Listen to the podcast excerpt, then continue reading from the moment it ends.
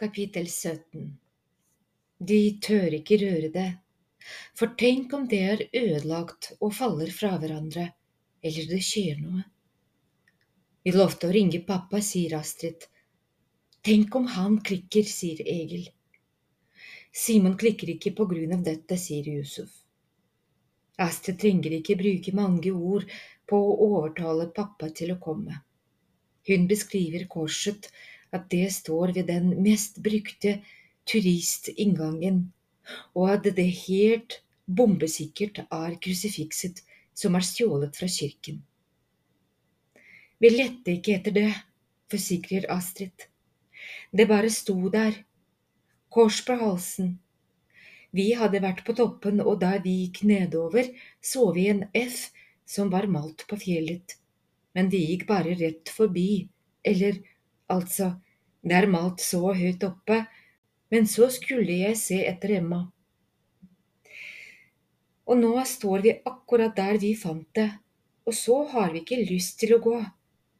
For tenk om noen kommer og stjeler det på nytt. Bli hvor dere er, sier pappa. Ikke rør krusifikset, bare bli der hvor dere er. Jeg ringer politiet, og så kommer vi. Det går minst en halv time før de er her, sier Egil og åpner sekken. Han bretter ut sitteunderlaget, legger det et lite stykke under kors, legger det et lite stykke under korset og setter seg med ryggen inntil fjellet. Så tar han opp resten av maten og begynner å spise. Egil, sier Astrid, hvor er Emma? Vet vel ikke jeg? Hvorfor sto hun så langt under skred...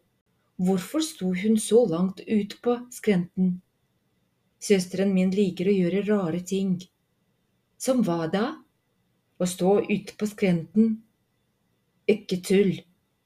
Hva er det som er rart? Hun ønsker at han sier det, at hun spyr opp all maten, at han vet, at Line vet, men akkurat nå er Emma borte. Hun skulle bare tisse, og det har gått minst 20 minutter siden hun tok sekken og gikk oppover. Den trenger sekken for å tisse. Astrid får ikke ro. Det er noe som er galt. Hun var veldig lei seg i dag tidlig, sier hun, og ville ikke være med. Hun har forandret seg, innrømmer han. Siden i sommer. Da ble alt så vanskelig. Jeg har tenkt at det handler om pupper og mens og sånn. Han flirer litt brutt. Vi forandrer oss ikke fordi om vi får menstruasjon, sier Astrid, det er bare duste menn som tror det. Sånne gamlinger som tror de vet alt om damer. Emma liker ikke seg selv, sier Egil nesten uhørlig. Jeg har måttet sverge på å ikke fortelle hvorfor hun går på do etter hvert måltid. Så det er sånn det henger sammen. Egil gjemmer på hemmeligheten det er derfor han har virket litt uinteressert, mens han egentlig har beskyttet søsteren slik han har lovet henne. Hvorfor skal sånne ting være så vanskelig, tenker Astrid, mens hun lurer på om han vet like mye som henne. Ville Egil holdt munn hvis han visste alt jeg vet om Emma?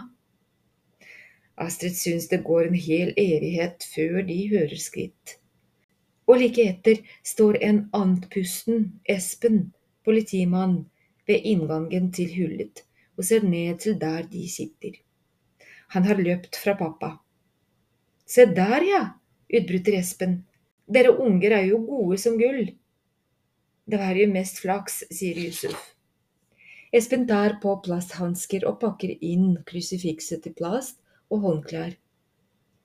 Før han legger det forsiktig ned i sekken han har med. Det stikker litt opp, men det gjør ikke noe. Han har neppe tenkt å jogge ned med en slik skatt på ryggen. Da Espen er klar til å gå ned, dukker pappa opp. Han er rød i panna og puster ganske tungt. Astrid ler. Det ser ut som om du har løpt uten å få det til. Pappa støtter seg på knærne og puster noen ganger før han svarer. Jeg starter litt hardt, gliset han. Sånn er det når man tror man kan vinne alt. Espen ler hjertelig, klapper pappa på skulderen og skal til å gå ned, da Yusuf spør om han la merke til F-en på fjellsiden. Det kan jo ikke være tilfeldig at F-en og krusifikset er på samme sted, sier Yusuf. Er du ikke enig? Politimannen svarer ikke tydelig på akkurat det siste spørsmålet, men han sikrer bilder og takker dem enda en gang, før han legger i vei nedover med den strålende nyheten på ryggen. Pappa insisterer på at de skal bli med ham ned. Jeg liker ikke tanken på at dere skal være her nå når politiet har vært her, sier han og kikker innover fjellet. Hvor er Emma, forresten? Hun skulle bare på do, sier Astrid, men nå har hun vært borte kjempelenge. Og så har hun en tendens til å glemme seg bort, skyter Egil inn. Vi lover å komme ned med en gang vi har funnet ut hva hun driver med. Pappa gransker dem etter tur, før han begynner nedturen. Han har ikke kledd seg for å være lenge ute og vil vente i bilen. De roper på Emma. Det burde ikke være vrient å høre at de roper, særlig ikke når de roper alle tre på en gang. Men ingen Emma svarer. La oss stå helt stille, foreslår Yusuf. Kanskje de hører noe da? De står like stille som de gjorde da de hørte lyder i grotten, bare at nå hører de ikke noe.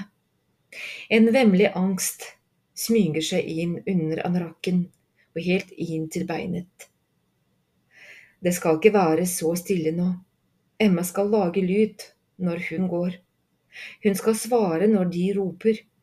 Astrid ser hendene for seg der hun sto, helt ytterst på skrenten. Emma var ikke redd.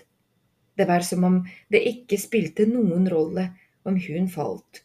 Det er jo ikke sånn det skal være. Hun vet jo at mange syns det er moro å stå ytterst, men når Emma forteller at hun ikke liker seg selv, så blir det jo en litt ugrei kombinasjon. Emma, roper hun igjen. Emma!